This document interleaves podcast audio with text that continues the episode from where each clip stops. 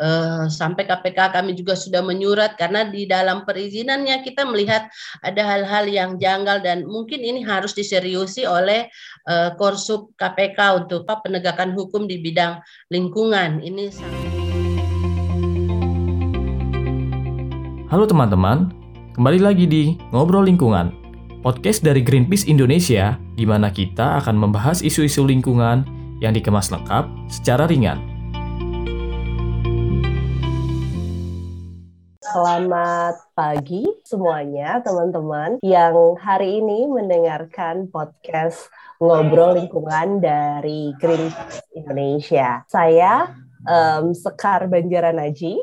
Hari ini dengan senang hati ingin menyapa teman-teman sobat lingkungan yang ada di mana pun tempatnya berada gitu ya karena podcast ini bisa didengarkan lewat Spotify dan juga Google Podcast. Um, hari ini saya bersama dengan dua orang teman saya yang datang dari jauh, sebenarnya membicarakan isu yang beberapa saat terakhir ini uh, mencuat ke publik. Isu ini adalah tentang emas di Sangihe. Teman-teman pasti um, masih sangat lekat ya tentang tentang apa kejadian di beberapa waktu yang lalu. Um, kita dikejutkan awalnya itu saya ingat sekali ada suatu berita um, dari BBC waktu itu. Pertama kali saya mendengar cerita tentang Sangihe ini, ada rencana penambangan emas, di mana rencana tersebut kemudian sudah mendapatkan izin dari Kementerian SDM, PT-nya bernama PT TMS. Tambang emas tersebut berpotensi menghancurkan hutan resapan air utama di pulau tersebut dan juga merusak tempat tinggal terakhir burung seriwang sangihe yang sangat langka gitu. Jadi kira-kira ruasannya itu lebih dari separuh dari pulau tersebut. Nah hari ini saya bersama dua rekan saya Ah, di sini ada mungkin kita panggil Kak Jul saja ya. Kak Jul, ya. Um, Kak Jul Takaliwang. Terus juga di sini juga ada Abang mungkin Bang Andi Lahindo ya, ya. Gasalia Langi gitu. Langi. Ya. ya. Mungkin bisa kenalan dulu um, Kak Jul dan Bang Andi silahkan. Oke, uh, baik. Saya Yul Takaliwang dari Yayasan Suara Nurani Minasa dan hari ini kami tergabung dalam sebuah gerakan besar untuk penyelamatan Pulau Sangihe yaitu Save Sangihe Island. Jadi uh, saya dan beberapa kawan dan ada sekitar 27 lembaga masyarakat sipil yang tergabung di dalam gerakan ini. Salam jumpa Sobat Lingkungan, saya Andi Lahindo Ganselangi, kapasitas saya di forum ini mewakili pihak keluarga, dan kami begitu banyak tahu tentang perjuangan dari seorang wakil Bupati Kulon Sangihe, yakni Pak Helmut Hontong. Beliau disapa di kepulauan ini, di masyarakat disapa dengan panggilan akrabnya Bapak Embo. Bapak Embo ini artinya orang yang disayang dari uh, anak yang paling bungsu dan dia paling disayang dan buktinya memang Bapak Embo sangat disayang oleh masyarakat karena perjuangannya sampai meninggal pun dalam posisi memperjuangkan kepentingan rakyat. Terima kasih banyak Bang Andi. Ini juga kami mengucapkan bela sungkawa ya atas keperlegian. Uh, mungkin kami panggil juga Bang Embo ya, uh, Wakil Bupati dari Kabupaten Sangihe, Bapak Helmut Hontong yang kemudian berpulang setelah melayangkan surat penolakan terhadap tambang emas ini. Tapi sebelum kita ke sana, mungkin kita akan mulai ke Kakak Jul dulu. Sebenarnya banyak sekali yang sudah memberitakan perizinan tambang di Sangihe ini, tapi kami ingin mendengar langsung sebenarnya bisa dijelaskan mungkin um, secara singkat gitu ya, awal mula perizinan tambang di tanah Sangihe itu seperti apa gitu. Um, kalau kita dengar-dengar kan um, ini tuh bertentangan dengan undang-undang soal pengelolaan wilayah pesisir dan pulau-pulau kecil gitu ya. Dan juga ini juga mau bisa sampai menghabisi itu ya menelan sekitar setengah dari pulau Sangihe ini. Ini awalnya seperti apa gitu? Uh, baik terima kasih. Kalau izin um, bagi PT Tambang Masangiha itu kan dasarnya itu dari kontrak karya generasi ke-6 ya yang dikeluarkan oleh Soeharto dari sejak 1997. Jadi eh, ini apa salah satu dari produk rezim Orde Baru yang masih terus saja dijaga oleh negara. Sudah banyak hal yang terkait dengan Orde Baru itu yang harusnya ditinjau lagi dan tidak bisa diberlakukan. Tetapi kalau terkait dengan izin tambang sepertinya ini kok kayak kitab suci aja ya. Jadi basicnya itu malah kalau di kontrak karya itu luasannya itu sampai ratusan ratusan hektar. Itu kemudian mereka e, mencoba melakukan aktivitas di tahun di sekitar 98 uh, mereka sudah masuk tetapi dengan uh, perusahaan nama perusahaan yang lain. Waktu itu masih Mira Soputan Mining melakukan eksplorasi, lalu berpindah lagi, berpindah-pindah perusahaan sampai tahun 2008 lanjut sampai terakhir mereka mengklaim bahwa Eh, mereka sudah melakukan um, eksplorasi itu di tahun 2013 sampai di tahun 2017 ya. Tapi aktivitas-aktivitas itu sendiri kita nggak nggak tahu ininya ya masyarakat sendiri tidak tidak persis tahu apa sebenarnya sih yang sedang sedang dan akan terjadi di wilayahnya gitu loh. Nanti eh, kami dikejutkan dengan eh, keluhan masyarakat dari Kampung Bowone bahwa mereka sudah menerima sosialisasi dari eh, PT Tambang Masangnya itu pada tanggal 20 eh, 1 22 sampai 24 Maret 2021 bahwa perusahaan ini sudah memiliki izin lingkungan dan izin uh, izin usaha operasi produksi. Memang di proses terakhir yang masyarakat tahu itu hanya pada waktu kalau nggak salah 2017 atau 2018 pernah perusahaan mengangkut ribuan karung sampling katanya ya. Katanya itu sampling entah dibawa ke mana, pokoknya dibawa keluar dari daerah Bowone itu diangkut dengan uh, mo dengan truk, dengan tronton lalu uh, saya nggak tahu dimuat di di mana tapi itu yang masyarakat ketahui. Izinnya hari ini telah di menurut SDM telah diciutkan menjadi 42.000 hektar dan itu Eh, berlaku mulai dari tanggal 29 Januari 2021 sampai 28 Januari 2054. Jadi itu sepanjang 33 tahun.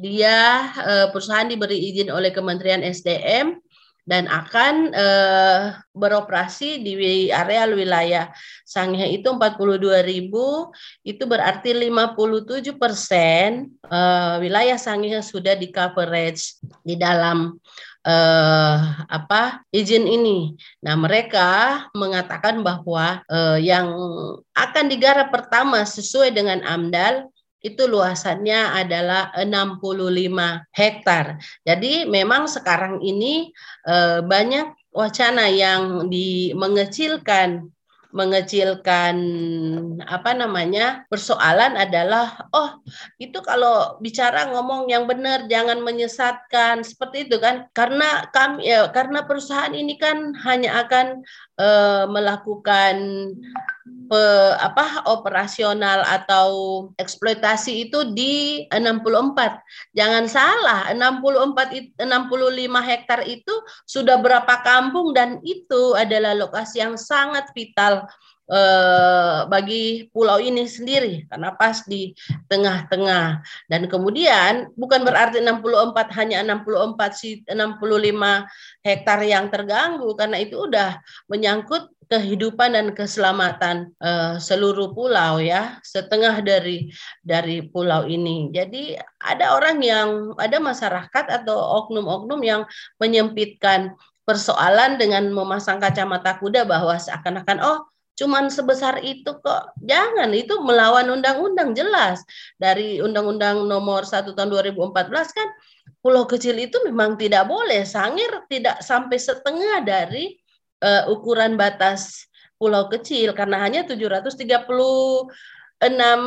km persegi ya 2000 km persegi itu kategori uh, sudah pulau kecil. Jadi banyak pihak yang mungkin punya kepentingan lain termasuk juga mungkin pemerintah karena mereka tidak uh, secara seksama tidak cermat melihat bahwa pulau ini rawan bencana dan harusnya yang dilakukan di sana adalah konservasi, mitigasi bencana, program-program perlindungan terhadap lingkungan dan uh, keselamatan pulau-pulau kecil.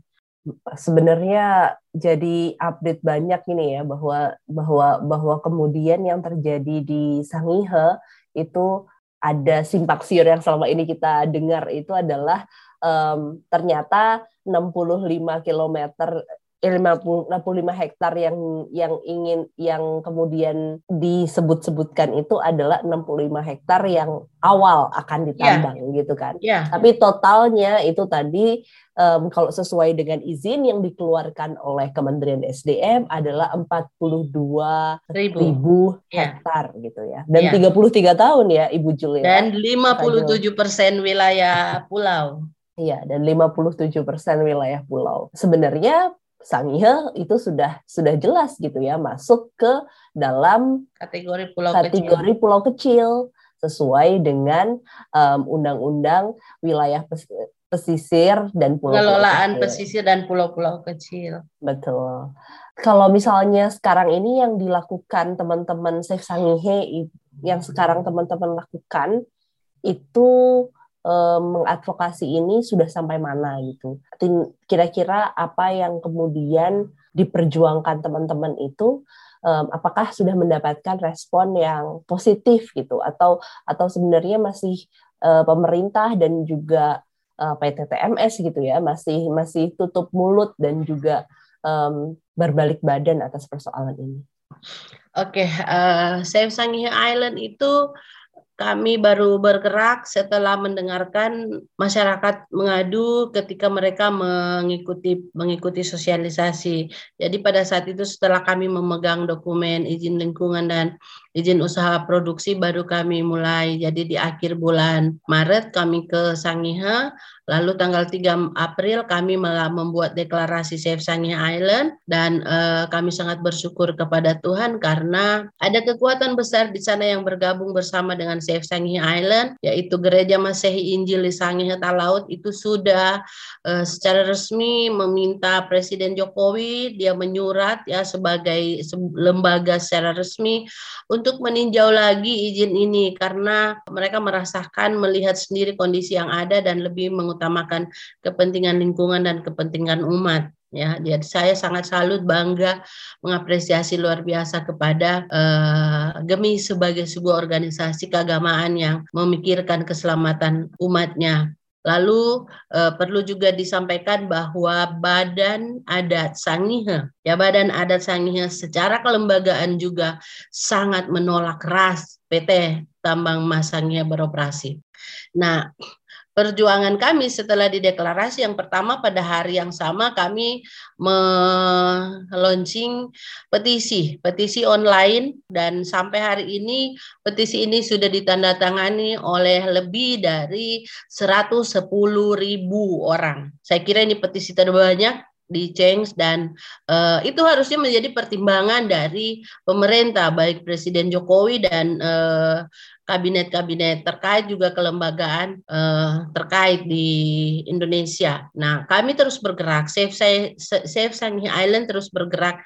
Yang paling penting adalah kami sudah membawakan surat secara resmi, surat penolakan pernyataan dari masyarakat bahwa tidak menerima tambang ini dengan berbagai uh, alasan yang yang memang tidak bisa ditolak ya karena yang pertama Sangihe itu pulau kecil, yang kedua di sana ada empat lempeng eh, Sangihe itu ada di antara lempeng-lempeng besar dua Eurasia dan lempeng Pasifik, ada lempeng Maluku, lempeng Sangihe, ada sesar, ada patahan.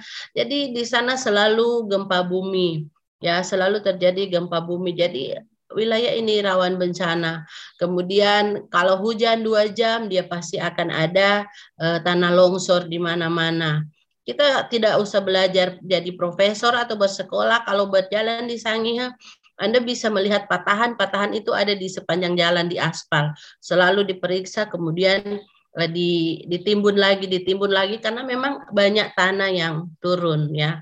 Ada ada seperti itu dan itu sangat nampak. Nah, itu adalah uh, alasan yang kami ajukan lalu kemudian ada gunung api uh, aktif, dua gunung api bawah laut, Mbak ya Gunung Api Kawi, uh, Kawi Banuawuhu yang ada di utara pulau, kemudian ada Gunung Api Mahengetang. Itu dua, itu Gunung Api bawah laut. Baru ada Gunung Awu, Gunung Api Awu. Uh, saya kira kita tidak bisa menjelaskan lebih ini ya, karena uh, argumentasi apa lagi yang mau disampaikan? Kita mau mengatakan bahwa pulau ini sangat rentan ya. Pulau ini harusnya yang dilakukan adalah bagaimana mempersiapkan masyarakat di dalam konteks program-program yang baik dengan uh, mitigasi bencana. Lalu Uh, Safe Sangihe Island sudah mendatangi uh, KKP ya. Sebenarnya sudah menyurat resmi ke presiden. Melalui KKP kami datang ke Kementerian SDM sudah kami menyatakan bahwa kami tidak mau pulau kami ditambang karena kami mencintai pulau ini. Ya sampai kapan pun kami akan tetap memperjuangkan keselamatan pulau ini. Kemudian ke lingkungan hidup ya ke Kementerian Lingkungan Hidup Komnas HAM eh, sampai KPK kami juga sudah menyurat karena di dalam perizinannya kita melihat ada hal-hal yang janggal dan mungkin ini harus diseriusi oleh eh, Korsup KPK untuk eh, apa penegakan hukum di bidang lingkungan. Ini sangat penting Lalu eh, kami kemudian kembali lagi ke basis hari ini Safe Sangihe Island terus mengorganisir masyarakat. Kami tidak pernah mengajarkan masyarakat, tidak pernah melakukan sosialisasi untuk membangun pertentangan, konflik atau anarki. Tidak, kami hanya mengatakan kami harus mensosialisasikan keadilan informasi kepada masyarakat. Karena kalau hanya mas kalau hanya PT Tambang Masangihe yang berjalan berkeliling melakukan sosialisasi, mereka akan menceritakan hal-hal yang yang baik, yang positif sesuai versi mereka. Nah, Safe Sanghi Island akan menceritakan semua hal, ya, semua hal positif, negatif kami akan sampaikan dan masyarakat ternyata memilih untuk menolak perusahaan ini. Dari sekitar 80 kampung yang masuk di coverage 42 ribu hektar itu, kami sudah mengadvokasi, sudah melakukan sosialisasi terhadap uh, sekitar 40 kampung dan hampir semua ya kepala desa masyarakat itu menyatakan penolakan. Nah, kami sangat tahu bahwa ketika sebuah SK sudah turun, sudah sudah dikeluarkan oleh salah satu lembaga negara akan sangat sulit membatalkannya tanpa harus melakukan uh, proses peradilan ya. Nggak mungkin Pak Menteri atau Pak Ridwan Jamaludin yang menjadi dirjen mengambil stip atau langsung membuat tipex untuk uh, oh, sudahlah ini nggak jadi. Nggak mungkin. Jadi salah satu cara adalah kami harus melalui proses hukum ya. Jadi pilihannya sehingga bagaimana uh, masyarakat melakukan perjuangan secara elegan, secara terhormat melalui prosedur hukum, kami akan mengajukan gugatan di PTON Jakarta. Dan dalam waktu sangat dekat sebelum uh, masa kadaluarsa kami akan mengajukan itu. Dan ini Mbak adalah sebuah perjuangan yang sangat sulit karena bagaimana kita menggiring membentuk opini masyarakat mempercayai hukum di negara Indonesia ya. Hukum kita kan tajamnya ke bawah doang ke atas pasti dia sangat tumpul. Tetapi kita percaya ada satu kekuatan ya. Kekuatan itu adalah kekuatan Tuhan kekuatan kebenaran ya doa doa masyarakat ada bersama-sama dengan uh, proses ini dan uh, kami yakin bahwa kebenaran pasti akan terungkap dan perjuangan masyarakat pasti akan berhasil. Um, saya merinding mendengarnya, um, Kakak Jul, uh, bagaimana perjuangan teman-teman di Sangihe untuk kemudian um, apa ya mempertahankan tanahnya, tanah yang sedari lahir dia ya. um, tinggali. Uh, saya mungkin akan berpindah ke Mbak, uh, saya nambahin satu lupa. Di sana itu tadi Mbak sebutkan tentang gunung eh, tentang burung seriwang sangiha, ya hmm. itu kan ada di areal sekitar Gunung Sandarumang. Itu sebenarnya hutan lindung. Sampai hari ini belum dibatalkan oleh menteri ya, menteri menteri, menteri LHK karena ini ada keputusan menteri tentang hutan lindung yang ada di sana ya termasuk Gunung Sandarumang dan juga wilayah yang akan menjadi pintu masuk utama yang 65 hektar ini itu dekat banget atau menjadi bagian dari uh, wilayah yang akan di dieksploitasi pertama kali oleh perusahaan. Dan saya tahu Ibu Menteri sampai hari ini juga uh, belum membuat belum membuat surat untuk pengalihan atau pembatalan atau apa pun dari uh, eh, SK tentang hutan lindung ini dan uh, saya perlu sampaikan bahwa Gunung Sandarum Sandarumang ini bukan gunung kompleks pegunungan yang uh, sangat vital bagi masyarakat karena di gunung ini menjadi hulu dari sekitar 70 sungai dan anak sungai yang mengairi tujuh kecamatan yang masuk di dalam coverage 42.000 hektar ini. Jadi itu eh, tidak tidak bisa karena sumber hidup sumber air itu ada di situ sementara kawasan ini menjadi pas di tengah-tengahnya. Nah, ketika 65 ribu hektar itu akan dieksploitasi, akan terjadi getaran, jangan kira itu tidak ada eh, apa ya, tidak ada dampaknya ke gunung yang eh, ini karena itu tidak terlalu jauh jaraknya. Lalu yang paling penting adalah sampai hari ini KKP Kementerian Kelautan Perikanan tidak pernah, tidak ada yang kami tahu memberikan izin pemanfaatan ruang eh, pesisir dan pulau-pulau kecil kepada perusahaan ini. Jadi saya nggak tahu kalau mereka merasa sekarang menurut eh, dirjen, menurut uh, pemerintah bahwa mereka punya izin lengkap padahal harusnya mereka mengantongi izin pemanfaatan ruang dan eh, pulau-pulau uh, kecil dari KKP. Saya kira uh, itu yang bisa saya share. Uh, silakan dilanjutkan dan kami SSI sangat salut, sangat um, apa terharu banget, sangat bangga memiliki seorang pemimpin ya. Itu ini harus disampaikan dari hati karena Embo itu menjadi salah satu tonggak sejarah di dalam uh, penyelamatan Pulau Sangihe terkait dengan um, PT Tambang Mas Sangihe. Ya. Um, selanjutnya saya melanjutkan pertanyaan berikutnya ini um, ke abang kita Bang Andi.